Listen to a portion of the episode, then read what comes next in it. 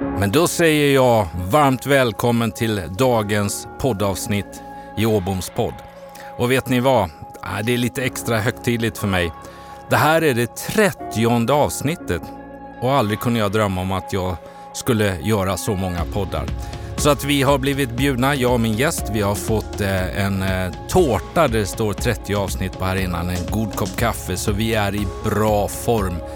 Och det är härligt att få återigen vara i poddstudion, att få bjuda på det här samtalet till dig som lyssnar, till dig som är ny eller som kanske har lyssnat på 10, 20 eller kanske alla avsnitt, vad vet jag. Men det är väldigt stimulerande att få bjuda in intressanta gäster och dela med mig av den resan till dig som gäst. Och för mig har det här betytt väldigt mycket.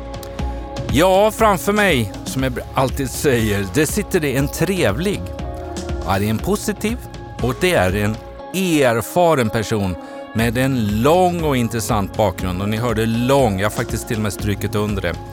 En lång bakgrund som ledare och jag ser fram emot att få samtala om den resan och vad det har inneburit. Dagens gäst, född utanför Örebro och dagens gäst bor idag i Stockholm. Har en utbildning från Karlstad universitet. Sen när karriären började så har jag hittat eh, karriärsteg på Trygg Hansa, har hittat eh, VD för SEB Finans.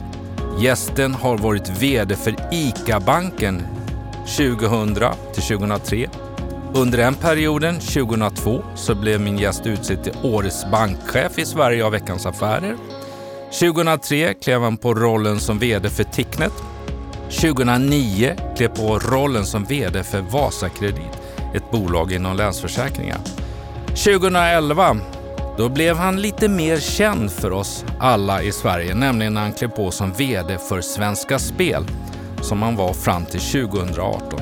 2017 gjorde han entré som författare till en bok som heter Bakbunden. Den kommer vi att komma tillbaka till.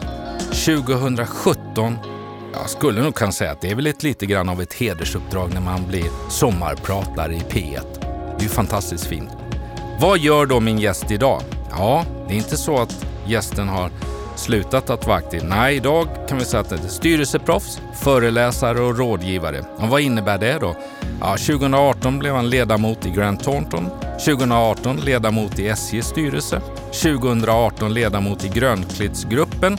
Inhemsk turism, skidor och camping har jag läst på. 2018 styrelseordförande i Sveriges Radio. Och det är inte slut än. 2018 ledamot i Svenska skidförbundet. 2019 ordförande i Länsförsäkringar Stockholm. 2020 ledamot i Länsförsäkringar Bank. Ja, vad ska man säga? Eh, det var nästan så vi behöver förlänga programtiden med den långa resan efter den introduktionen. Det är en väldigt rutinerad, duktig och eh, intressant yrkesperson som jag har fått bjuda in och som jag är så glad för att de tackade ja. Och vem är det? Jo, det är ingen mindre än Lennart Kjell. Varmt välkommen till Åboms podd. Tack så mycket. Tack för det. Du, vilken resa. Ja, den, när man kommer upp i min ålder så blir det en lång CV. Eh, vänta du ska du få se Mikael. Ja, du säger det. Ja, du är några år yngre. Så ja, lite efter. Men, ja. Lennart... Eh... Man blir ödmjuk också när man lyssnar, när du berättar så får man många minnen som far bi. Ja, det förstår jag. Lennart, du har ju den här resan vi ska prata om, men framförallt ska vi komma in på olika delar kring ledarskap, kommunikation, dina drivkrafter, erfarenheter, tips till eh, ledare på väg i livet och så vidare. Och det är det som är bakgrunden till hela den här podden, att göra den. Och det är ju lite extra högtidligt för mig då, alltså helt ärligt, 30 eh, gäster har suttit i den stolen du sitter. För mig som kommer ifrån eh, enkla förhållanden i Borås så är jag, jag är jättestolt. Så när jag, vi spelar ju in den här en fredag eftermiddag och jag kommer att åka hem med ett jätteleende, det vet jag redan. Det betyder mycket för mig. Då får jag passa på att säga grattis. Ja. Men det stannar väl inte vid 30 om jag känner dig rätt, utan det blir väl en ännu större tårta vid vad då? 50? 50 kan det ja. ja, nej, vi har lite till på G. Det har vi att bjuda ja. på helt klart. Jag har också fångat i, när jag har tittat på det, eh, på din resa och läst om dig och vårt samtal innan så är det liksom, vad är innebörden av andra halvlek i livet? Det ska du få komma tillbaka till. Och också samhällsutvecklingen vi lever i just nu och vad den har för påverkan på dig och mig som ledare. Men utöver då den här långa Eh, liksom, CVn, kan du inte dela med dig lite grann mer till mina lyssnare? Vem är Lennart Kjell? Mm, jo, men det gör jag gärna. Jag, Lennart Kjell som sagt, jag är faktiskt född i Stockholm, uppväxt i eh, Örebro. Jag brukar säga att jag mognade när jag flyttade till Karlstad. Eh, sen har jag haft en sejour också utanför Linköping. Jag bodde i Ljungsbro. Eh, tillbaka till Stockholm. Så jag har rört mig en del. Eh, men jag är gift med Marie, jag har två barn. Eh, två bonusbarn och ett bonusbarnbarn, ska man säga. Eh, jättehärligt med en stor, stor familj. Ingen som bor hemma längre så att eh, mycket egen tid med min kära fru Marie. Mm. Jag älskar att vakna. Det, en, det, har jag försökt eh, få mina barn att inse att man ska tänka så när man vaknar. Det är en attitydsfråga kan jag säga. Du får testa det. Men det, det, dagen blir mycket roligare och bättre om man känner så att man älskar att vakna. Eh, sen, eh, eh, ja, jag är väl ett hög risktagare, men jag gillar kontrollerad risk. Eh, jag eh, eh, gillar att testa på saker, nyfiken på nya saker. Eh, varit med, jag är stort idrottshjärta, tittar på mycket idrott och utövar mycket idrott. Eh, just nu ser jag fram emot att se när Örebro ska spöa Göteborg i fotboll imorgon, lördag, när vi spelar in det här. Får vi se hur det har gått när vi släpper det live. Släpper det live, ja. Jag följer också Färjestad nu som går upp i, i, i kvartsfinal eh, mm. sen min tid i Karlstad. Ja, det fick du lite grann. Högt och lågt. Högt och lågt. Men det finns det, idrotten finns. Och är det, kan man säga, som vd för Svenska Spel, ja, man måste ju gilla idrott på något sätt. Ja, det jobbet det tog man ju dels för att det hade en pusselbit att jobba i ett eh, bolag som är ägt av staten. Mm. Eh, eh, också kopplingen till idrott, absolut. Men också att eh, just den samhällsfrågan som vi berör senare ur ett annat perspektiv eh, var viktigt tycker jag kring det här med spelmissbruk och spelansvar och matchfix och annat som jag hade som kanske de två områden som jag ville verkligen göra skillnad. Och det är lättare att göra skillnad om man går in i bolaget och kan förändra och, och så att säga se till att vi får ett bättre samhälle. Mm. Kopplat till de olika chefsbefattningar du har haft och som vd då. Vad skulle du kunna, finns det någon röd tråd eh, vad du brinner för som bolagsledare? Ja, nej, men det är väl alltid så tycker jag. Eh, det, man säger vad jag brinner för, det är ju alltid när man, man ska ju alltid när man säger ja till ett jobb ta reda på vad uppdraget är.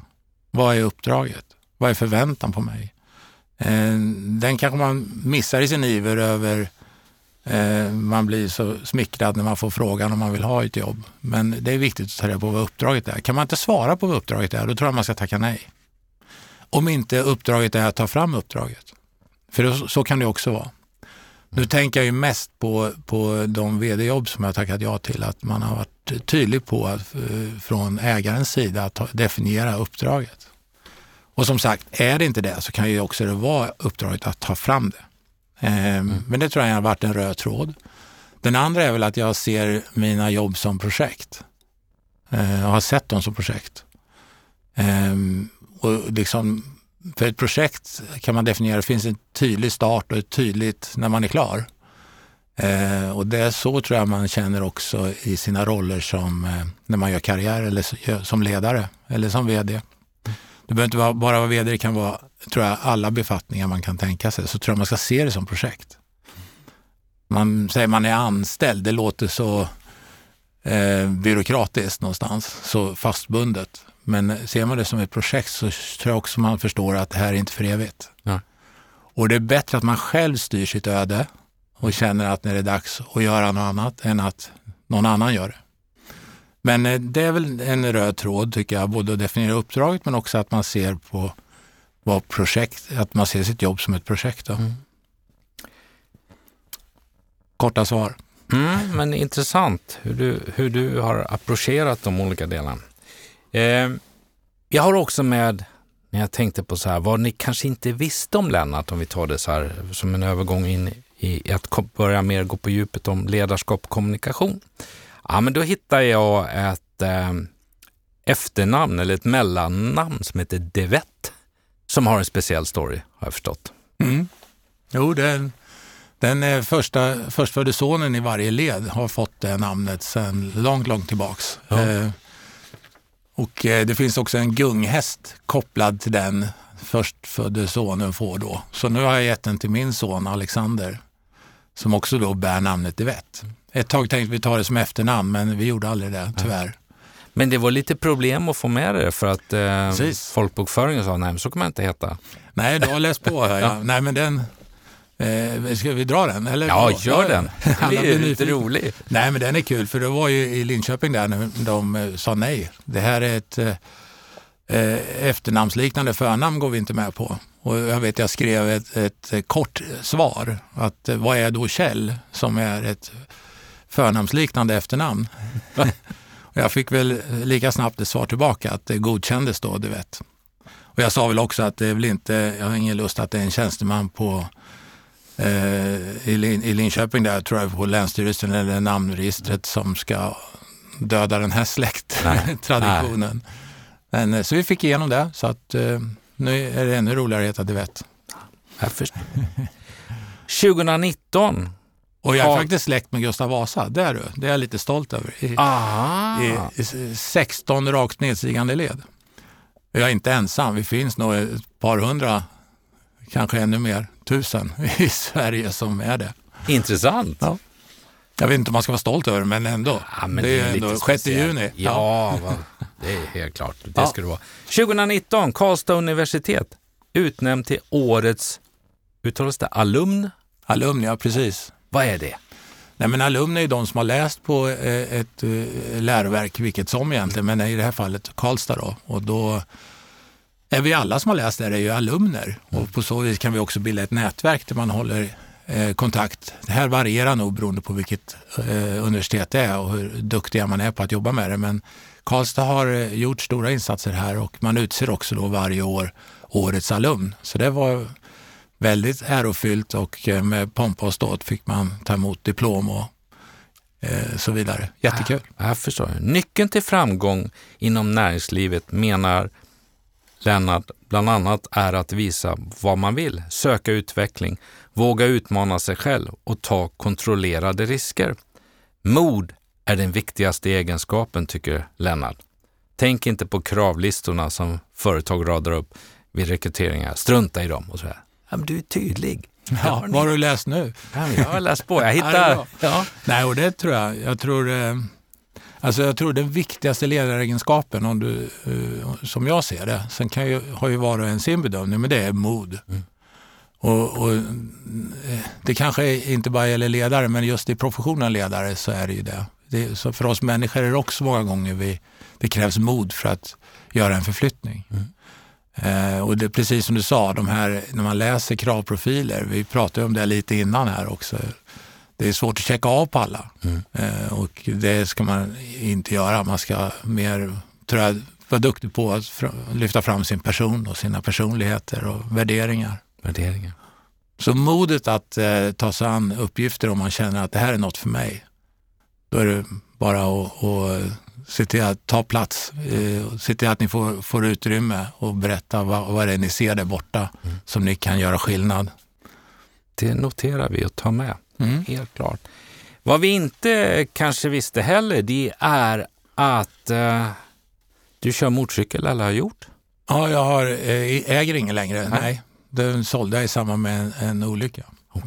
Men jag kör fortfarande. Okej. Mm. Eh, men vad jag också då fångade, det är att du har kört Gotland Grand National. Mm. Hur kommer man på en sån, ja, man, jag vet inte, en idé, så kan vi väl säga. Bra fråga, nästa.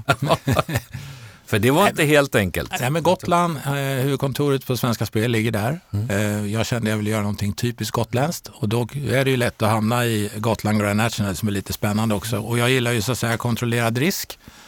Eh, jag tränar som tusan för det där faktiskt.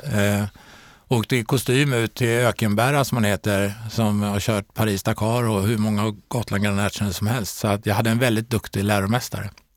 Men eh, i samband med det här så eh, åkte jag av ordentligt eh, och slet av mina hamstring på höger ben. Eh, alltså de baksidan på lårmuskeln. Eh, och det slutade med att jag fick men jag kom i mål. Jag, jag, de lyfte upp mig på motorcykeln och jag kunde du ligga efter, att köra alltså? Låg efter limpan och tanken och, och, så la de i tvåan och så kunde jag åka i mål i alla fall. Så det var, men det gick på adrenalin. Men sen eh, blev det några skruvar i baken som eh, fäste upp musklerna igen, eller hamstringen igen. Eh, och efter det så kände jag att nej, då blir jag faktiskt rädd mm. för att köra motorcykel. Och speciellt om man åker som i Stockholm här på, på Essingeleden, fyra filer, ja. fyra filer och sådär, är det många tankar. Mm. Eh, så jag började tänka negativa tankar. Eh, och på tal om att ta risk så känner jag väl att eh, nu har jag tagit tillräckligt mycket risk när det gäller motorcykel, så då sålde jag. Då sålde du. Så var rädd om det Mikael när du är ute och åker. Ja, jag lovar det. Att jag ska vara det. Långlopp och så vidare. Alltså, är du en vinnarskalle? Är du en För jag har ju förstått att du, du skulle köra Cykelvasan med din son och morsa. Alltså, du har ju, eh, är du en, du är en tävlingsmänniska och vinnarskalle? Jag gillar att tävla. Jag gillar att mäta. Jag gillar siffror. Jag gillar att mäta saker och jag gillar också att testa gränser, på tal om det här med risk. Ehm, så att gärna, ju tuffare det är, ju mer går jag igång. Och just den här planeringen innan och, och sen eh, eh, träningen innan och sånt, det är någonting som jag får mycket energi av. Och det är också en bra reflektionstid när man är ute och, och kör eh, de här typen av långlopp som både är cykel och, och skidor och skridskor och så vidare. Så att, jag har åkt eh, nio Vasalopp och jag vet inte hur många sådana här mountainbike-lopp som jag har kört. Men jag och min son körde faktiskt det första eh, enligt Vasaloppsterrängen. För innan det blev eh, så att säga Vasaloppet på mountainbike wow. så åkte vi. Och, och eh, det var väl också då tanken att vi skulle köra det hela vägen. Men eh, jag vet han var tvärförbannad på mig. Eh, efter någonstans vid mitten, eller innan Mångsbodarna. Han var ju bara 11-12 eh, år tror jag. Eh, så han vet han slängde den här cykeln i skogen där och så skulle han ta upp sin telefon och ringa BRIS. ja, det var ju Men då sa jag till honom, ja, lycka till du, du har ingen täckning här i skogen. Och det kände jag, det, det var inget bra föräldraskap. Så att ja. Vi gjorde halt någonstans i, efter halva vid Evertsberg och sen låg vi i, en koja där och, sov istället och tog det lugnt och njöt av resan ner mot Mora tillsammans istället för att ta tid och hetsa. Vilket minne att ja, ta med Kul minne och sen ja. åren efter så kom ju riktiga ja. Cykelvasan så att äh, det var häftigt. Spännande. 2016 med tanke på det jag sa inledningsvis, nämligen om eh, samhällsutvecklingen. 2016 hände någonting som inte får hända, som inte bör hända. Lennart, eh, och du drabbades. Mm. Vad hände då? Ja, nej men det antar jag, det, eh, du tänker ju på när jag blev överfallen. Så, och det, är ju, nej, det finns ju inte med i, på kartan att sånt där kan hända. Man tror ju gott om samhället som sådant. Så vet, läser man och ser saker i tidningar och tv som man, man lyssnar in men man tänker inte på att det kan drabba en själv. Så det här har ju förändrat min syn på samhället och även eh, på tal om att tänka på risk. Det känns som risk blir en röd tråd i det här samtalet. Mm. Men eh, det här var ju, eh, det, det, var ju en, en, en, en, tidig morgon när jag ska åka till jobbet så blev jag stoppad och av eh, några som, en kille som var utklädd till byggarbetare och hade en, gick mot mig med en revolver. Och eh, slog sönder min bilruta och eh, bakband mig och eh, ville ha, pressa mig på pengar helt enkelt. Och eh, jag kom väl loss så småningom. Jag, jag kunde larma polis och så vidare och de grep senare. Men det var ju det är en händelse som självklart påverkar en väldigt mycket. Mm. Ehm, men det är också Eh, man måste nog fundera också på ibland när man eh, har vissa positioner i jobb, med jobb, där man är publik och kanske eh, representerar en bransch eller ett företag och så. Då måste man nog väga in det här att det finns folk i samhället som kanske vill dig illa på något sätt. Eller människor. För det, här var, för det här var under din tid som vd på Svenska Precis. Spel? jag jobbade på Svenska Spel och de hade förlorat pengar då, eller han hade gjort det. De var två stycken där. Då. Eh, Så att eh, det, de ville ha ut 2,9 miljoner och eh, som de hade, visade sig senare då var, hade förlorat på, på spel. Och jag representerar ju mm. spelbranschen rätt mycket mm. då. Men de hade, de hade eh, det, men man kan ju se då i bilar som de hade hyrt så är, finns det ju GPS i, i Volvobilar och man kan också spåra via te, telemaster och så, deras mobiler. Att de hade ju varit och spionerat på mig i flera månader, tre, fyra månader. Så att de visste precis mina beteenden. Oh. Hur jag, vilken väg jag åkte till jobbet om bilen stod på ett visst sätt och så. Så att det här var noga planerat. Och också att de hade fixat eh, eh bygga arbetskläder och så vidare så att eh, jag skulle stanna och tro att det var någon byggarbete på gång. Så att det här det är också läskigt när de vet vem man är, när det ja. går från min funktion som vd för Svenska Spel till min person. Mm. Med namn och kundnamn på familjemedlemmar och så. Eh, det är klart, det här är någonting som eh, man, inte, man tror inte det är sant när det händer. Det känns som en, en dålig deckare. Liksom. Men det var jag. Det var du. La, alltså landar man efter en sån sak? Ja, men när, hur? Alltså... Nej, det, det, det, är klart man gör eh, och det, det, finns väl, det finns ju alltid kvar. Det är ju så, det är bara att man lär sig förhålla sig, mm. sig till det.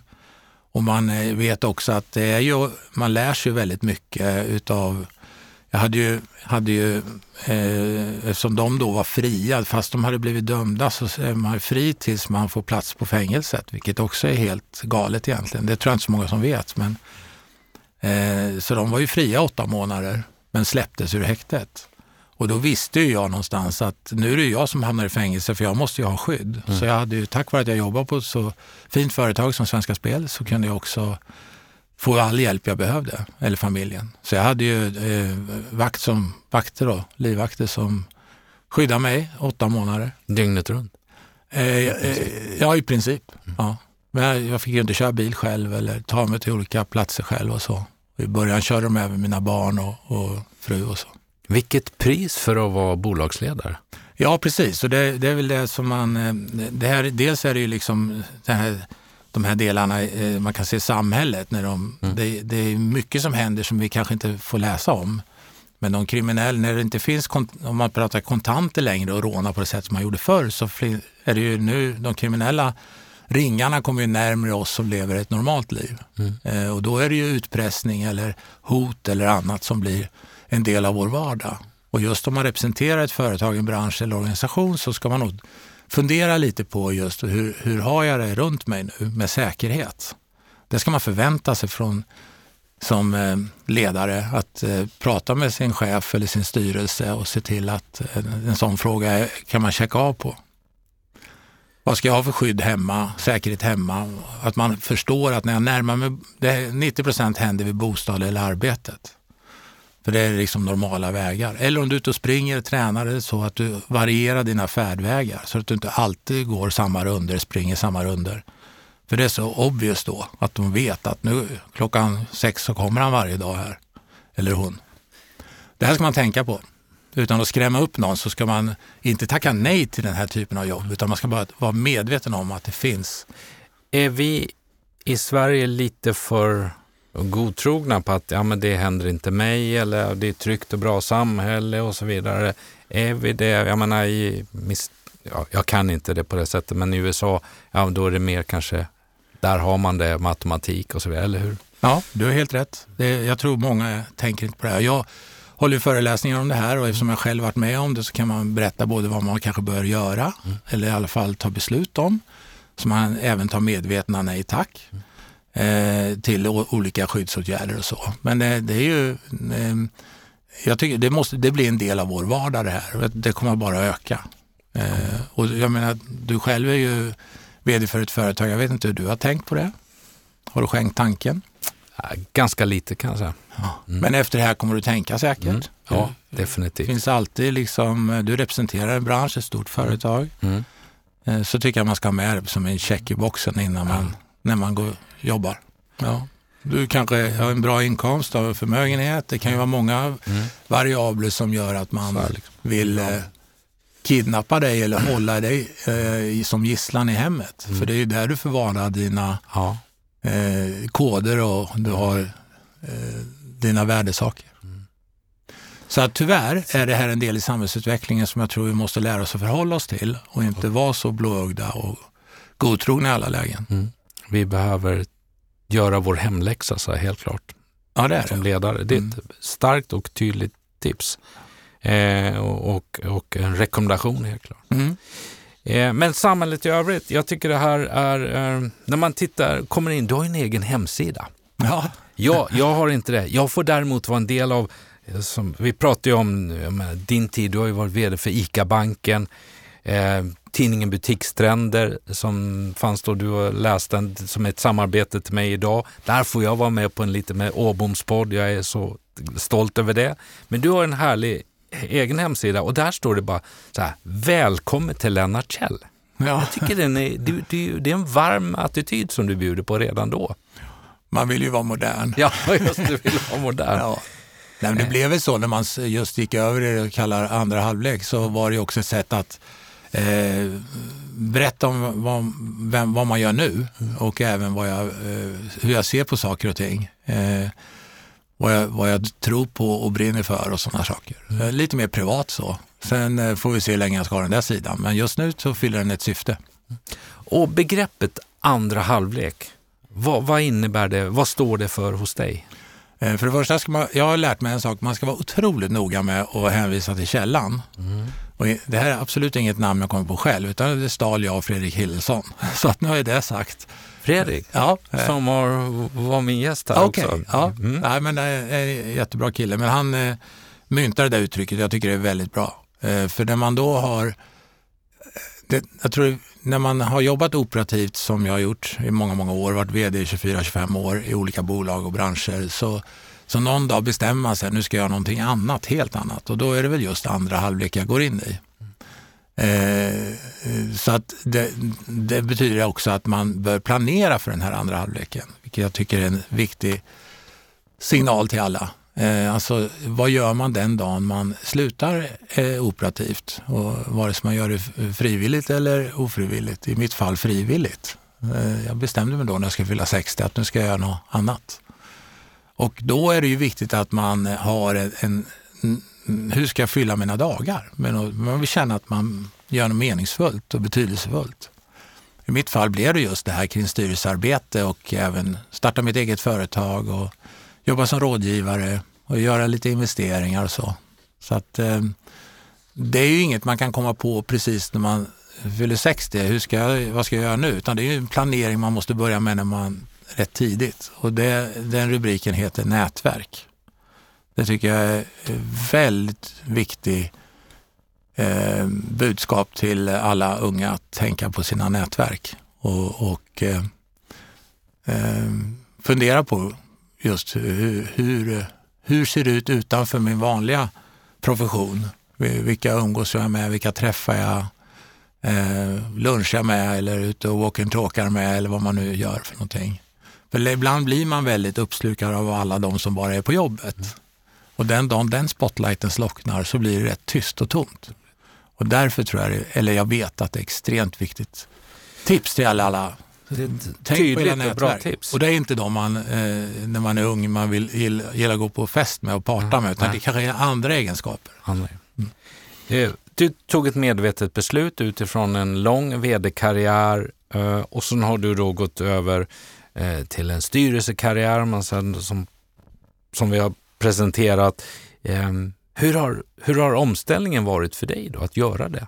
Du hade väl en plan då eftersom du ja, jag hade hakade på där andra plan. halvlek? Ja. ja. det var noga planerat. Precis som jag faktiskt haft en plan för nästan alla mina olika tårtbitar man ser som du läste upp nyligen. Eh, nej, men det var ju en, en, det är ju en omställning att gå från att vara operativt ansvarig till att jobba via styrelser. Det får man ju ibland bita sig i tungan när man blir för operativ kanske. Eh, mm. Och i vissa lägen kanske man ska vara operativ också. När, när det, när det är, när man, om vi ligger i ett krisläge, då, då ska ju en styrelse bli nära, så att säga. Då får man dra åt tummarna lite. Men annars är det ju, det tror jag är den stora skillnaden är just eh, det strategiska arbetet kontra det, det rent operativa som oftast är i, i ledningsarbetet. Mm.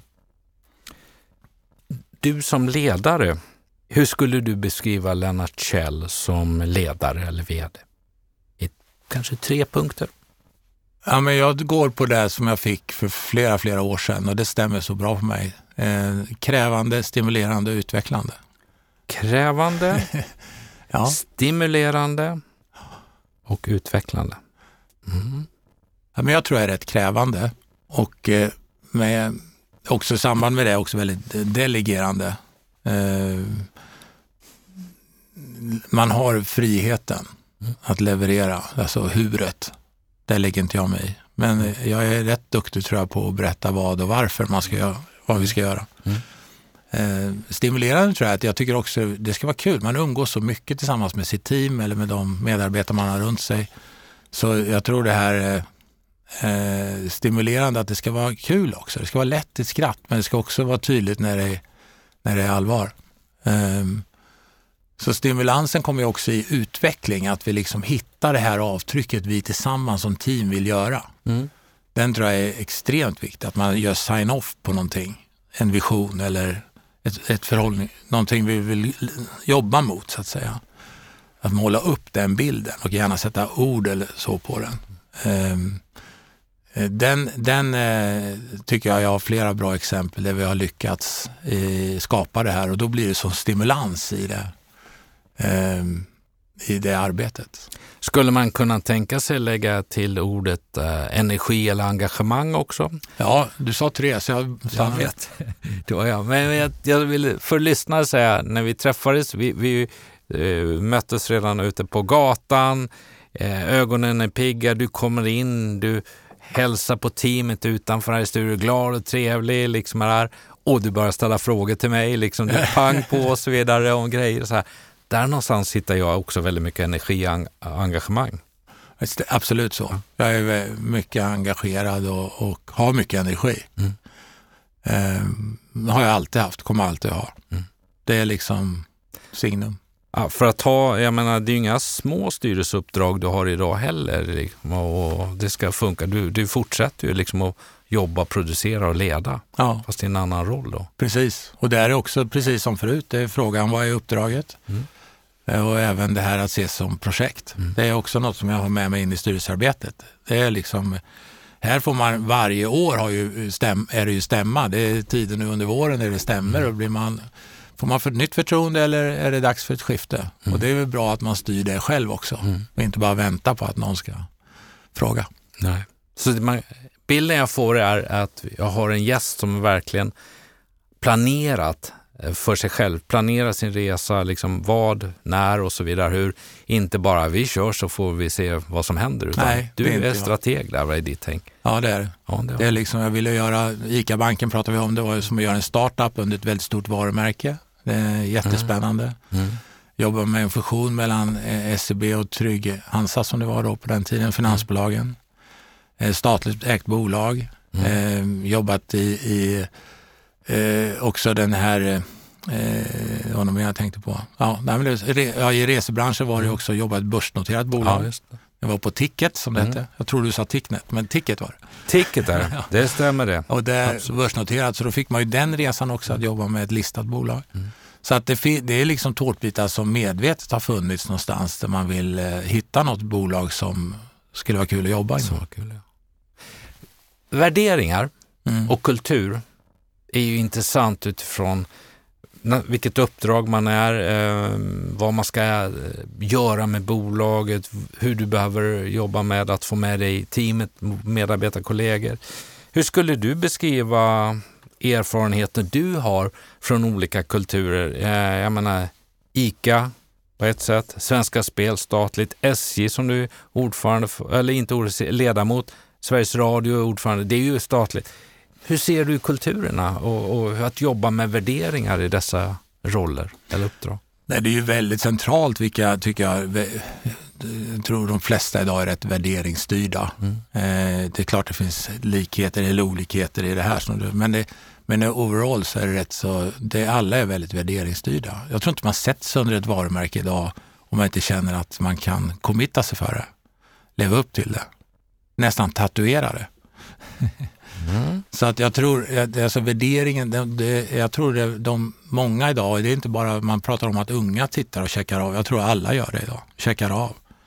Om man inte gör det så uppmanar jag det, läs årsredovisningen och hållbarhetsredovisningen innan du tackar ja till ett jobb. För det, någonstans har du ju, hur uttrycker man sig, hur, hur ser man på människor? För det, vi jobbar ju med människor, för människor. Alltså vi jobbar med medarbetare och så jag för kunder som också är människor. Och det, jag tror det, en, det kanske låter klyschigt men jag tycker det är extremt viktigt för det är då du gör, kan känna att här vill jag jobba. De här står för rätt saker. Jag är väldigt värderingsstyrd och det tror jag de flesta är. Hur svårt eller enkelt är det att göra en förflyttning för att bygga en kultur i ett verksamhet idag? Jag har respekt för den frågan. Den är, den är svår. Men det, för det är så mycket som, det bygger ju på oss människor som vi, det börjar ju redan när man anställer. Och ibland har du också ägare som också sätter sin prägel i högsta grad mm. genom ett så kallat ägardirektiv som jag tycker är viktigt att prata om också. För det, det, det, är ju där allting börjar. Vad är det ägaren vill se för någonting? Eh, och eh, eh, vad är det man vill stå upp för? Vilken position vill man ha i samhället och så vidare. Det är därför de här stora ledarna många gånger tänker på ett helt annat sätt än, än bara marginal och resultat. Mm. Eh, men eh, och det, det, är väl här någonstans den kulturen kommer i bolaget. Vad, vad ska vi kännetecknas för? Är det som sagt krävande, är det krav eller är det förlåtande eller tillåtande? Det är okej, okay, det är öppet, det är nyfiket. Du kan hitta massa ord här som är kulturen. Och det, vi kan se det på så många olika sätt. Eh, men det är en viktig fråga att prata om mm. i bolaget. Hur, 2025, hur ska det här bolaget se ut nu? Vad vill vi känneteckna? För det är där vi börjar när vi pratar employer branding, alltså attraktionskraften för att rekrytera. Eh, det är också attraktionskraften för att få kunder. För idag, det är idag när kundmakten ligger så tydligt i sociala medier och annat. Du kan hylla ett bolag eller sänka ett bolag på nolltid. Därför blir de här värderingarna så extremt viktiga att jobba med. Jag vet inte om det var, jag ser det mer som ett samtal än ett svar på en fråga. Ah, jag, jag noterar, jag Du blev så tyst Mikael. Ja, jag, jag var tvungen att få hinna få med det. Det var så mycket klokt skap och viktigt att notera. Det är ju faktiskt så att de här som jag skriver, jag sparar ju alla. Jaha. Så nu är jag inne på att skriva mitt 30 kapitel kan man ju säga då. I de här delarna. Jag sparar allt. Jag tycker det blir nog en bok sen då? Vi får se ja. äh, kring det. Nej, men, men visst är det viktigt, tycker inte du? Ja, jag, jag håller med. Alltså jag är i min, där hänger min kavaj mm. och i den så ligger det en visitkortsmapp, eller som man, mm. som man aldrig använder visitkorten knappt idag. Nej. Men i den så ligger det också ett plastkort med de ledorden vi har valt för våra värderingar. De ja, bär jag på mig varje dag. Ja, bra. Varje dag. Och när jag, ja tyvärr nu är det covid, då är man inte ute på kontoren och besöker, men när jag är där så tar jag upp den, pratar om, om det här eh, och vad vi kan göra, vad kan, hur uppfattar du mm. det här? Och när jag åker hem från en resa som jag besökt någon där, alltså i tjänsteresa, då tar jag upp det och så mm. tänker jag, liksom, har ärlighet, liksom, kan, upplever de att de har mm. träffat en ärlig vd mm. idag? Eh, vi har samverkat, har, upplever de att de har en vd som har varit där för att samverka, för att jag bryr mig om dem, att jag är en del i teamet och så det, det blir mitt liksom, facit på vägen, en checklista kan jag säga. Men det är också väldigt kul att höra, för det är, många har ju de här orden, man sätter, tar ut, gör ett jättejobb kring dem och sen blir det någonting som bara står någonstans. Mm. Men att jobba med dem varje dag, vad betyder det för mig som VD, vad betyder det för mig som ordförande, vad betyder det för mig som eh, säljansvarig eller på ekonomiavdelningen eller juristen, alltså alla de här funktioner som finns. Vad betyder de här orden? Och vi hade så på Svenska Spel att vi till och med eh, skrev ner, det blev som spelregler. Mm. De skrev ner på en, en landslagströja och så fick alla signa på den här med sina namnteckningar att nu har jag committat mig och sen ramar vi in den och hade på väggen. Jag tycker det, det jag får nästan lite gåshud ah. när jag tänker på det. Det blir så starkt. Ah. Eh, någonstans. Det finns så många sätt att göra det. Ja, det gör mm. När du kommer och tar en kopp kaffe på, på Söder framöver någon gång på, ja. hos mig så ska jag visa dig en tavla. Mm. Den tavlan har 600 tumavtryck. Okay. Ja. Det var när jag började så samlade vi inom ett år samlade vi eh, de som vi kunde samla en lördag, söndag till ett stort koncernmöte. Där började vår förändringsresa och den döpte vi, den kallade vi för delaktighet. Mm. Och då fick alla välja, vill man kliva på och vara med liksom i det här? Och då hade vi en stor tavla med, på staffli med färgburkar under och då fick man gå dit och ta sitt tumavtryck och ja. sätta. Så vi byggde ett träd och den hänger på liksom en ja, hedersplats. Och den när jag går förbi den varje dag så får jag ju liksom lite gå, så jag tänker på det där mötet, starten på vår resa. Mm. Hur viktigt det är att involvera teamet i det här, mm. våra medarbetare som gör arbetet där ute varje dag och så vidare. Så att det får inte bara vara ord som du säger på väggen. Nej, och det, kopplat till det tror jag också, för att hänga på, då har man hittat den, den delen som ska vara ledstjärnan i sättet som vi förhåller oss till varandra och mot kunder och så, värderingar. Och, men det är också vad är det för avtryck det här gänget ska göra? Vad är det, vi ska, vad är det man ska säga i historieboken om, om det här, den här episoden som jag var med som ledare eller som jag jobbar på den här avdelningen, enheten eller om jag var vd eller vad jag nu gör. Alltså jag tror det är viktigt att man funderar på vilket avtryck man vill göra. Eh, så man, för då tvingas man också fundera lite på eh, den, den, lite större frågan. Vad, vad, ska ha hänt om x år? Eh, och det, i ledarskap ju det, eftersom det är en ledarskapspodd det här, så är ju, slår man isär ledarskap så blir leda för att skapa. Alltså ledarskap, ledarskap är ju leda för att skapa. Och då kommer ju liksom för att skapa någonting så krävs det att man har en tydlig bild av vad man vill åstadkomma.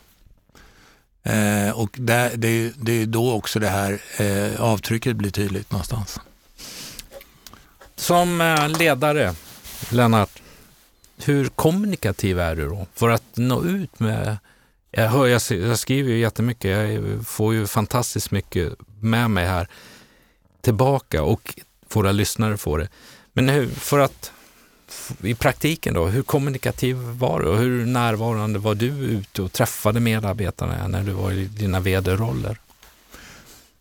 Jag, ser mig, jag gillar, älskar ju människor eh, och eh, var ute. Men det, var, det är ju alltid den där frågan, eh, när man leder en större organisation så är det ju, eh, man vill vara synlig och vara med överallt och så vidare. Men det är ju alltid det, de sa, åh dig har vi inte sett på länge. Ja men då är det någon annan som ser mig brukar jag säga. Mm. Så att, det, man blir aldrig, eh, liksom, men jag tycker det är viktigt att man jobbar på många olika nivåer om man pratar så. Att det både kanske i skrift eller via tal och möten eller älska mikrofonen och stå och prata. Ibland när man intervjuar i, i media så ska man tänka på att jag pratar mycket till mina medarbetare då. Mm. Eh, när de ska citera mig i tidningar eller om man är med i livesändningar och så. Så det gäller liksom någonstans, det här walk around, det är också tror jag jätteviktigt att vara synlig. Jag vet jag fick så enorm kritik av tidningen Chef någon gång för att jag inte var synlig. Men, men jag menar, det, det får man ta bara. Man får lyssna på det och ta kritiken till sig. Men någonstans vet man ju själv ungefär hur man jobbar. Jag tycker det är extremt viktigt att jobba på många olika parametrar. Liksom. Eh, och eh, också, vi, jag tror man är extremt duktig på, och man ska vara duktig på att visionera. Eh, måla upp den där bilden jag pratade om förut.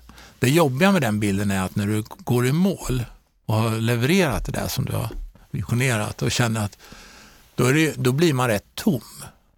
Och då känner man ju oftast att äh, nu är det nog dags att göra något annat. Nu är det någon annan som ska ta vid från den här punkten som jag är nu.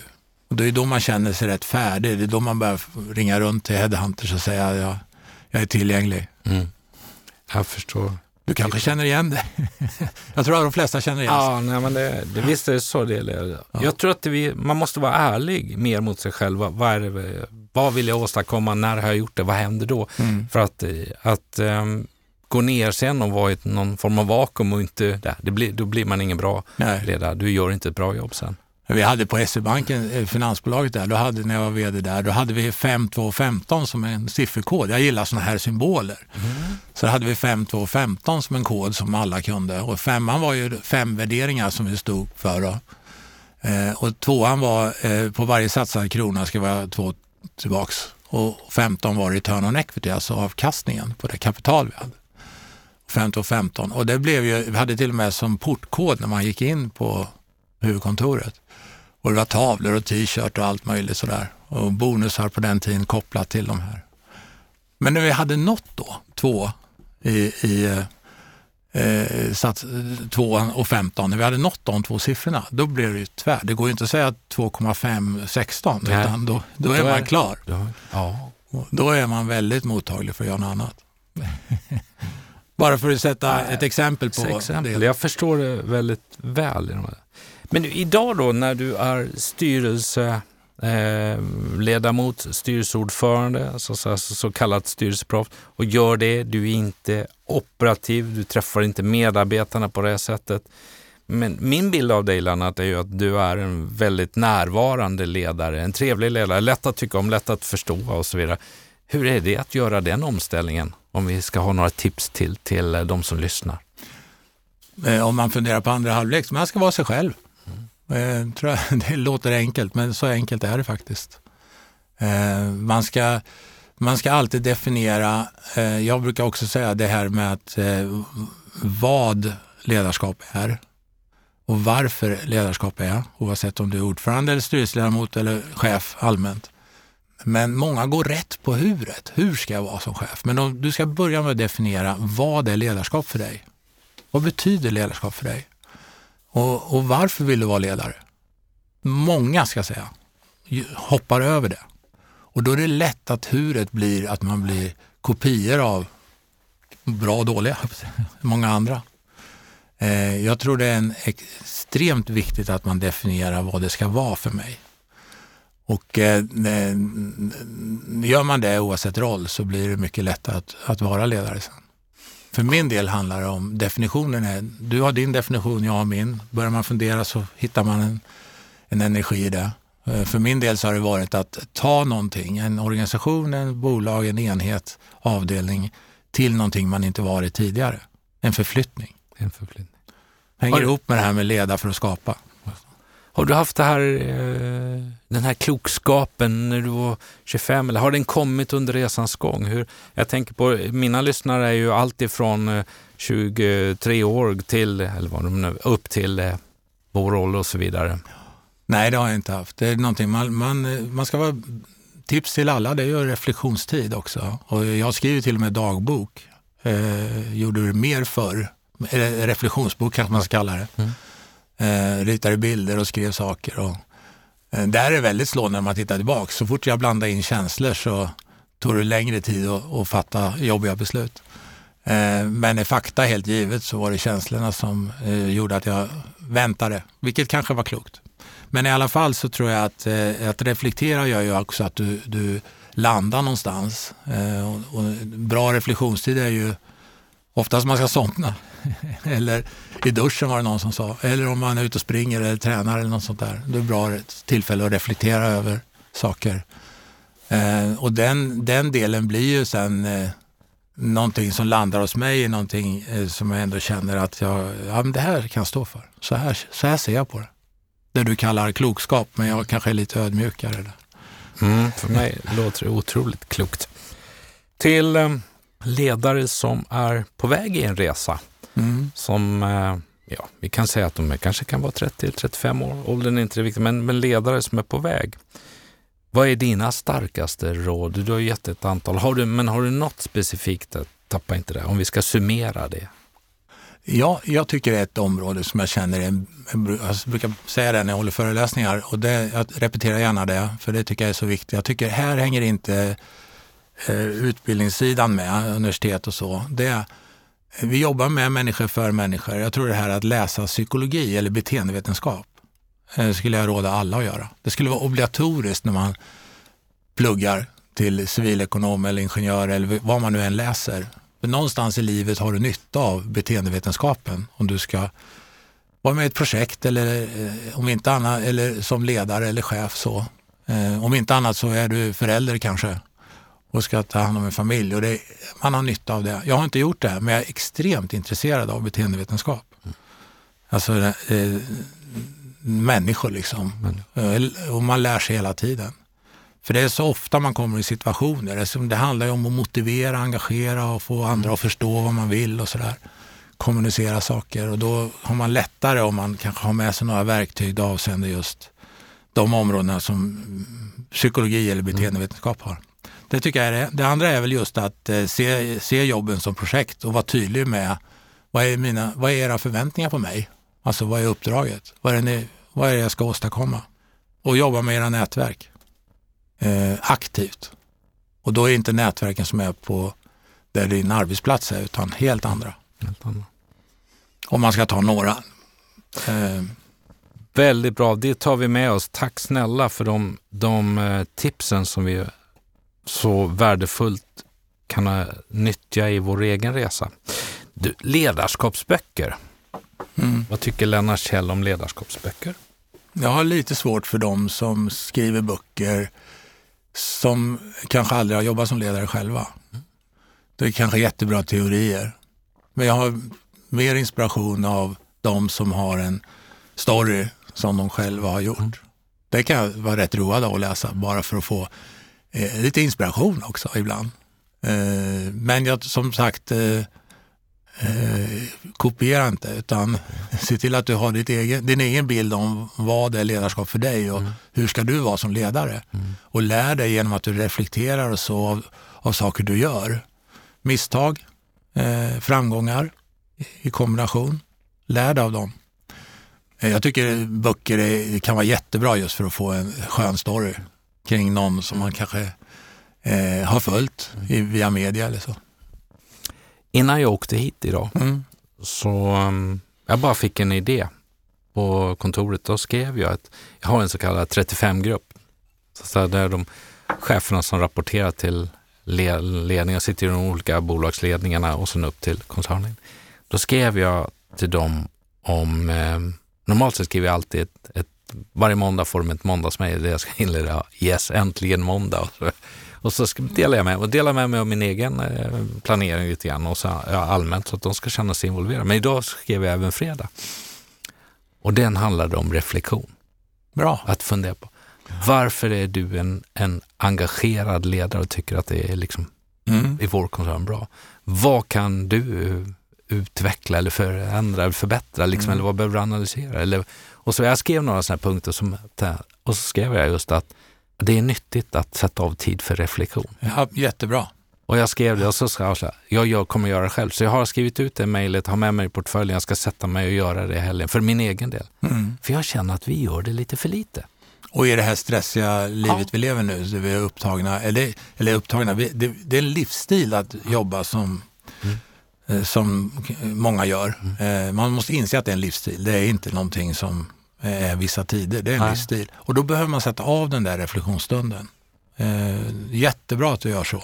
Och ställa några sådana här frågor som man satt med barnen för och frågade, vad har vi lärt oss idag? Ja, eller den här veckan och så. Men du, vet du, vet du varför fredag är den bästa dagen som idag då? För det är bara två dagar kvar till måndag. Ja, där kom den. Yes. Den hade du hört förut. Den, Den gillar jag. den jag, ja, Lennart, det är så här. Du, jag sa den också idag på jobbet till Lennart. Jag är ny, en ny på ekonomi och så, det var vid lunchen, vi bara så få som är inne. Och så, det är fredag eftermiddag, ja vad skönt, sa han. Ja vet du, det är bara två dagar kvar till Ja. måndag. Och han var, jaha, så han var nästan stressad att höra veden säga. Men jag säger faktiskt det ofta. Jag tycker det. Ja, det är, och framförallt som vi säger, det är en livsstil. Så många gånger är man ju påkopplad även eh, under helgen. Men då har man lite mer tid för reflektionen Helt oftast. Så är det ju. För min del kommer jag ha reflektid imorgon uh, bitti. Då, om, om det inte är dåligt väder så gillar jag att gå ut innan frukosten och börja tvätta bilen. Ja, ja, ja, för hand sådär. Ja, absolut. Högt. Miljövänligt. Alltså, ja, det är så Ja. mycket jag kan. Ja, det är bra. jag kan. Men jag fixar det. Jag tycker det är, är liksom dammsuga. Mm. Imorgon ska sommarmattorna in. Men du vet, Det blir också en tid för mig i reflektion. För Mm. var, du sitter inte vid datorn med mejlen. Men tankarna hinner och susa lite i huvudet. Precis, det är egen tid sådär. Ja, egen Mm. tid. Jag tänkte på en sak där du sa, vi pratade om de eh, unga i sin karriär. Tror de äldre, eh, tips om vi knyter an till dig igen, ursäkta att jag styr. jag, bara jag tycker den är viktig eh, som balans till det. Att de som anställer, eh, när, vi anställer nya, när vi får nyanställda oavsett ålder som kommer in, att man ser dem som gratiskonsulter brukar jag göra och säga. Okej. Det sägs, de kom in med friska ögon, med massa erfarenhet från helt andra kanske företag och branscher och så vidare. Under, innan de är fast och tunnelseende så har de ju med, kommer de se och iaktta en massa saker. Lyssna på dem. För det de säger och ser, det, det kanske man betalar eh, BCG, McKinsey och, och andra mm, stora pengar för att se liksom hur man kan effektivisera och jobba på ett annat sätt. Eh, de här nyanställda är gratiskonsulter i några månader. Eh, lyssna på dem. Nu skriver han igen ifall det blev tyst. Ja, men tänk, jag bara tänker hur, hur, hur har jag gjort det? Ja. Alltså, du vet, så här, man börjar ju tänka Lennart. Skicka ett nytt mejl. Ah, men den var ju riktigt bra. Nyanställda, ser dem som konsulter. Det är klart de kommer in med nya ögon som du säger. Absolut. Så jag träffade alla nyanställda, hade det som en grej, även nu, ja, i alla företag, men framförallt nu på, också på senaste jobbet, så träffade jag på senaste operativa, när jag var på Svenska Spel, så träffade jag alla nyanställda och det var det första jag sa till dem. Är det något ni ska komma ihåg från det här mötet så är det att ni är gratiskonsulter. Se till att era chefer lyssnar på er. Och gör de inte det så får ni komma till mig. till dem. Så viktigt att få en bra start. Men de fick ju också en känsla för att det här är en, en, en företagskultur mm. där man tillåter att man och för, får möjlighet att vara engagerad Precis. och delaktig. Ju, har du värderingar också? Ja, värderingar mm. kommer som klockrent mm. in där. Ah, den, den tar jag med mig. Lennart, eh, med allt det här som du har jobbat och gör och du säger det är en livsstil, vad du har varit med dig om, så finns det ju, och du berättar ju om storfamiljen och du berättar om din fru Marie, nu, uh, ni själva och så vidare. Hur, hur, landar du efter en vecka, du sa nu är det stämmoveckor och så vidare, hur, styrelseveckor och så här. Hur landar du? Hur ser fredag, lördag ut för Lennart? Eh, nej, ja, det, det, det, är en hel, det har ju inte alls, eh, som styrelse, styrelsearbetare är det mycket att läsa och så där är möten när man, eh, och dialog med vd när man är ordförande, den, den är ju tät så att säga. Så att innan jag tar helg så ringer jag alltid dem där jag är ordförande, ringer jag vdn varje fredag. Och, och kort eller långt samtal eller bara önska trevlig helg. Det är en rutin. Eh, sen känner man lite grann att nu ska det vara mys och då är det, numera är det jag och Marie så så lagar vi mat och umgås och eh, ja, pratar och, och hinner vi tar vi en promenad innan vi börjar laga mat också. Så det är bra att promenera ihop för då kan man ventilera frågor. Ja, hur din dag varit och vad, och, och vad har vi top of mind? Mm. Vad ska vi göra något i helgen som vi behöver fixa? Eller, ja, man stämmer av helt enkelt. Hur mår barnen? Har du hört något? och så. Nej, men annars är det, försöker vara eh, tillsammans så mycket det går. Eh, vi har också ett ställe uppe i Dalarna, Grönklitt. Vi, vi gillar att åka skidor. Och, eh, det har jag sett på LinkedIn, att mm. Eh, du skriver att nu jag sitter här och jobbar, och, eller nu så har du lagt ut någon bild och retat oss som sitter på kontoret på Söder Stockholm utan snö och liksom fantastiska skidspår och så här. Ja. Jag tar en paus nu och så ut. Och... Det var häftigt tycker jag. Det var många som har likat eller sett dem. Men, men det handlar ju också om den där eh, workation, om vi ska använda moderna ord, eller long stay. Alltså mm. Det ger ju möjligheter nu med, med ja. det här digitala mötessättet ja. Eh, som vi har, att ja. jobba och kombinera fritid och eh, jobb på ett mm. bra sätt. Eh, så man ser det, det är nästan fullbokat, men man ser inte så mycket folk ute i spåren. För de, sitter och, de jobbar och så åker jobbar. de på kvällar eller kvällar, på lunchen. Så jag tror det är väl också en del i som vi kommer ha kvar mm. när vi öppnar upp mer. Att kombinera att vara fysiskt på, en, på ett, ett, ett, arbete kontra att fortsätta jobba hemifrån. Mm. Eh, jag vet inte hur du ser det? Men, eh, Nej, men det, det, är klart att den här eh, resan vi är inne i just nu då, med, med pågående pandemin, som jag har den största respekt för. För jag, jag, jag vet inte, jag spelade in en film som nu kommer att gå ut till alla våra ägare här nästa vecka. Vi har 18 distriktsstämmor och så. Och där säger jag att ja, är vi i början, är vi mittet eller är vi i slutet av pandemin? Mm. Ja, ärligt talat, vi kan ju önska att vi är i slutet, men det är ju ingen som vet. Uh, och det tänker jag mycket på hur den påverkar nu då. Vi har så kallad covid-trötthet uh, hos en del, det ser vi ju. Och vad händer sen? Mm. Det finns ju många som saknar att inte få stå vid kaffeautomaten och träffas och så vidare. Hur blir det? Men det är klart, eh, oavsett det så har vi öppnat ett helt annat sätt att kunna jobba eh, kring det. Jo, men det kommer ju vara en kombination tror jag och, och framförallt så är det det här det vitaliserar ju så mycket mer när man sitter mm. ner runt ett mm. bord och, och pratar och diskuterar ja. innan man tar besluten. Ja. Det är svårare digitalt att fånga in alla kloka synpunkter, att använda alla hjärnor på ett mm. optimalt sätt Det tycker jag är en utmaning när man leder möten. Ja. Precis som det är också att se medarbetare, se det här om det är någon som inte mår bra. För vi har en ohälsa som börjar komma upp på mm. ytan nu som många pratar om. Och det måste vi som ledare ta på allvar och, och, då tror jag till exempel det här walk and talk, att man bokar ett sånt möte med någon som ändå är lite mer corona-safe ja. och, och pratar lite, lite både hårt och mjukt. Mm. Um, det finns lite där lärdomar tror jag. Vi kom så snabbt på det här med ja, att, eh, och det är inte lätt, man sitter i en etta eller tvåa mitt i innerstan. Det är lite trångt och jobbigt, många familjemedlemmar och så. Eh, Ja, det finns baksidor med allt. Ja, men det gör det. Jag har gått ut till um, våra ledare, alla vi har, och verkligen sagt att ni måste eh, vi jobbar med något, vi har ju satt in eh, extra utbildningar mm. på digitala utbildningar på att leda genom att leda på distans och så vidare. Jag skriver en hel del om det och så här, men vi måste ändå liksom verkligen uppmana människor, våra medarbetare, att försöka hitta något avbrott i vardagen som är roligt och som är på ett coronasafe eh, vis naturligtvis, men vad det nu kan vara. Mm. Jag vet i vintras då vi hade några goda vänner som vi träffar, två härliga eh, familjer eller par, då, vi åker lite motorcykel ihop också då. Och eh, nej, det blev inget och vi kan inte träffas. Nej, men vi bjöd hem dem på en, eh, på, på en lördag eftermiddag på mm. eh, terrassen. Jag skottade, då hade vi snö, det var underbart. Skottade, tog fram grillen. Vi hade mm. två timmars AV så att säga. Men vi stod ute och så vidare och jag hade tog fram braskorgar och tände och så vidare. Fick känslan de, vi hade ju en otroligt härlig liksom, två timmars stund tillsammans och de skickade taxen och vilken energi och så vidare. Jag tror att det är viktigt att vi mm. Använd fantasin. Använd och, fantasin ja, på de delarna. Och, liksom, och lyssna in.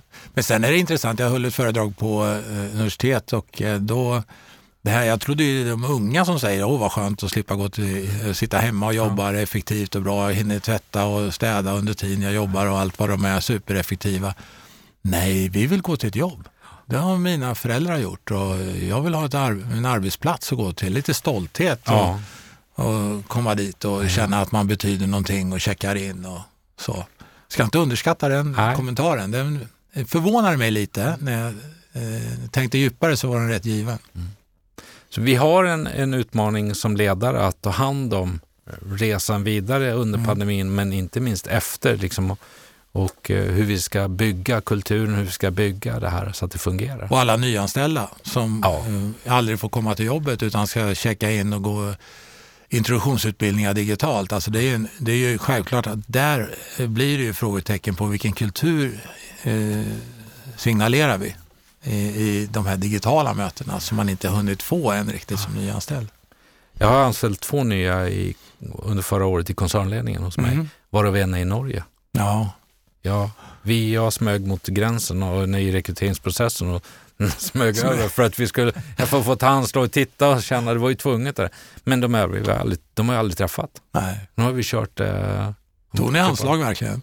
Ja. Jag, gjorde det? Jag, jag, jag, var tvungen, jag ville känna. Du är modig. jag ville verkligen känna, vi sa det, kan vi inte göra det? Jag måste känna, finns det någon power i våra? Så gjorde vi det.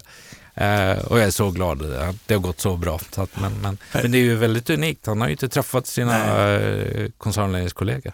Får inte åka över gränsen. Det är ju, det är också minnen i allt det här ja. som blir lite unika. Så ja. att, eh, du skulle tagit ett kort där över det där ja, gränsmötet. Ja, där var, liksom, det var, det var, vi, vi, var, vi var precis på den svenska sidan då. Men där, ja. ja det hade.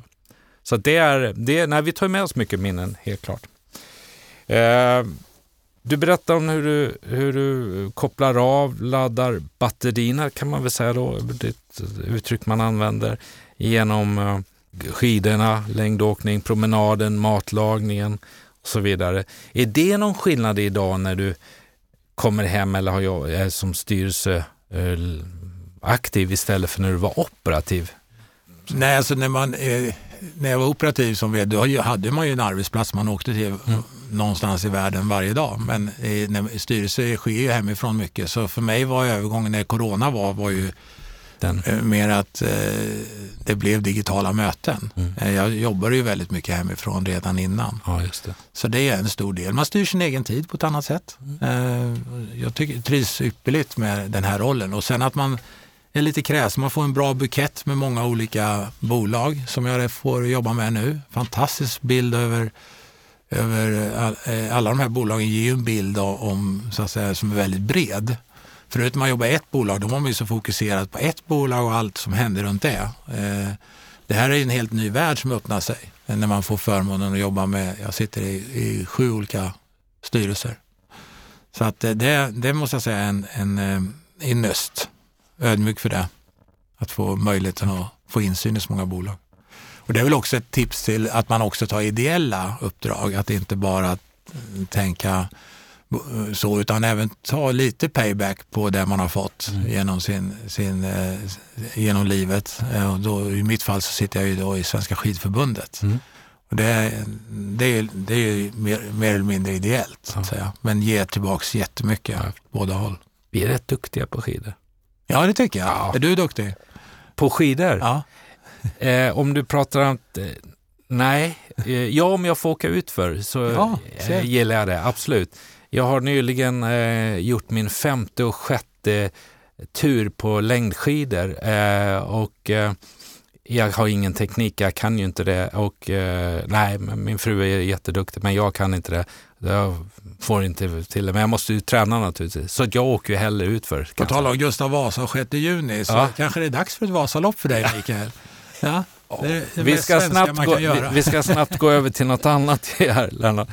I min hand kära lyssnare, så sitter jag och håller i en bok som jag fick av Lennart innan, nämligen Lennarts egen bok som heter Bakbunden. Den sanna historien om det dramatiska överfallet på Svenska Spels VD, om Sveriges nya kriminalitet och om brottsoffrens rädsla. Det har du skrivit en bok om. I den finns det också på slutet lärdomar. Mm. Jag ska inte göra en utmaning att säga att jag ska åka Vasaloppet för att du ska göra men jag skulle faktiskt säga så här Lennart. Med det samtalet vi har haft nu i drygt en timme ja. så har du gett oerhört mycket klokskap. Varför kan inte du skriva, för du kan ju verkligen skriva en ledarskapsbok som, med din resa, med alla de uppdragen du har haft, som inte är, en, är någon som bara har forskat eller något. Du har ju egen erfarenhet, du har ju tänk. Mm. Jag tycker det är häftigt. Mm. Ja, tack. Jag skulle definitivt gå och köpa den boken mm. och så ska du få signera den. Ja. Så jag vill så ett frö att du borde skriva en, en ledarskapsbok med ja. din resa, hur du tänker och dela med dig av den. Ja, ja men tack. Jag ska fundera på det. Eh, jag tar till mig ditt, gör, ja. ditt önskemål. Ja, det är ett tydligt och starkt Kan man få en förhandsbeställning så att du i alla fall ett sålt? Ja, ja, ja. Jag, jag tror att jag kan boka tio till och med. Ja. Nej, men det är sant. Man ja. bygger, det känner du ju själv i din roll. Man bygger på eh, sig erfarenheter som man mer än gärna vill dela med sig av till, till eh, eh, de, många andra ledare och, och inspirera som sagt. Um, nej, men det är viktigt. Ja. Och det är grunden för min podd.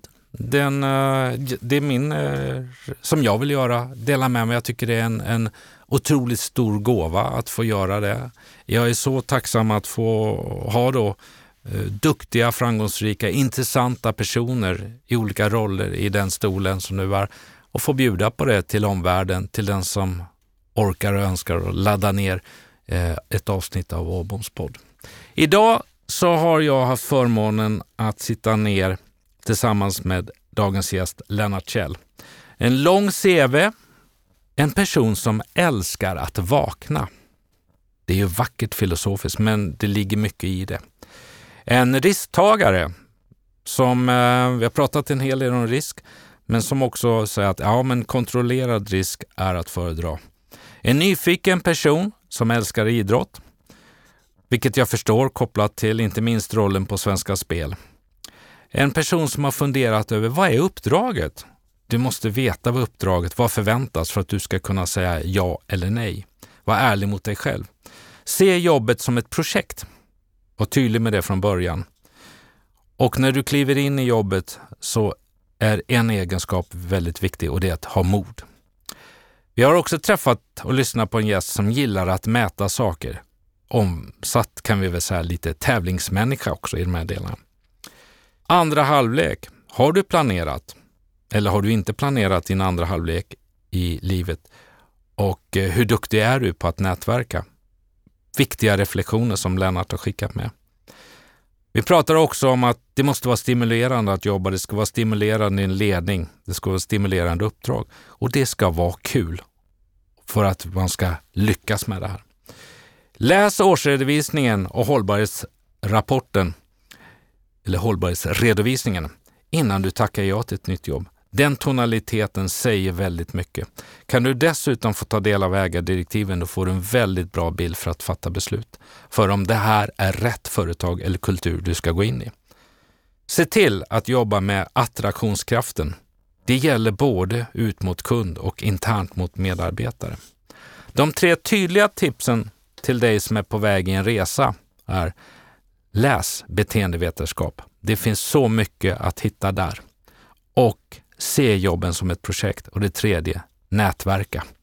Gör ett medvetet val där. Bestäm dig också för vad och varför. Landa inte bara i hur, för då tappar du helheten. Vad du vill åstadkomma och varför i de här delarna. Ledarskap.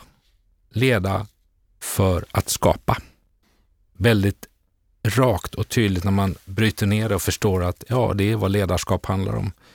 Vi har haft en gäst som gärna visionerar, målar upp en bild, gillar symboler, berättar om 5, 2, 15 eh, som var något ni använde inom SEB Finans på den tiden. En gäst som också har haft, eller har en reflektionsbok. Och då kom vi in att prata om hur viktigt det är som ledare att reflektera kring det. Sen testade han mig och sa, vet du vad det bästa är med fredag eftermiddag? Och det visste jag ju, för det är bara två dagar kvar till måndag. Så där var vi extremt lika Lennart. Eh, och när vi anställer nyanställda, se dem som gratiskonsulter. De kommer in med nya ögon, mycket energi och kan bidra till eh, en ny resa i verksamheten. En person som eh, från 16 raka led från Gustav Vasa är dagens gäst Lennart Kjell. Det har varit ett nöje att få sitta ner dryga timmen med dig i poddstudion. Mm. Tack detsamma. Kul att få prata och reflektera tillsammans. Tack. Ja, du, det här är jättebra. Eh, för mig, för de som har lyssnat. Det är så mycket klokskap och så intressant Lennart att, få, att du har varit generös och mm. satt av den här tiden kring det här. Som du vet, som jag har berättat, så för att våra lyssnare ska få glida ut i en, en skön avslutning så får gästerna ha med sig en önskelåt eller något som kan ha betytt något eller som situationen. Vad har Lennart valt? Eh, ja, jag har valt, om jag börjar berätta så här, att hemma hos mig i ett rum som är ett hobbyrum eh, så står det ett flipperspel. Och i det här flipperspelet så finns det två sidor som man kan skjuta iväg kulan på. Den ena är ett ros och den andra är en pistol. Och eh, när man spelar det här flipperspelet så spelar det här flipperspelet också den musiken som jag har valt. Och det är Guns and Roses. Och det är då Sweet Child of Mine som jag vill att ni ska lyssna på tillsammans med mig. Vad härligt. Tack. Ja, intressant koppling till det. Jag har också, måste bara säga, att går man till Bromma flygplats så ska man göra Lennart lite extra grad genom att försöka få upp en viss kaffesort på tavlan, eller hur? Precis. Men numera har de ju flyttat och byggt nytt som det där sades, så att eh, jag är inte lika känd där längre. Du är inte lika känd Och det är fortfarande inte på tavlan. Så det är inte det. Men Cello är väldigt gott. Cello är väldigt gott. Ja, du ja. som gillar svart kaffe, Mikael. Ja toppa med en espresso så kommer du ha en wakey wakey för den dagen. jag ska testa det, jag lovar det.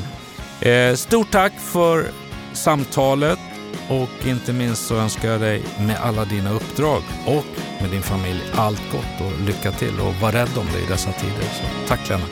Tack Mikael, detsamma till dig. Ta hand om dig.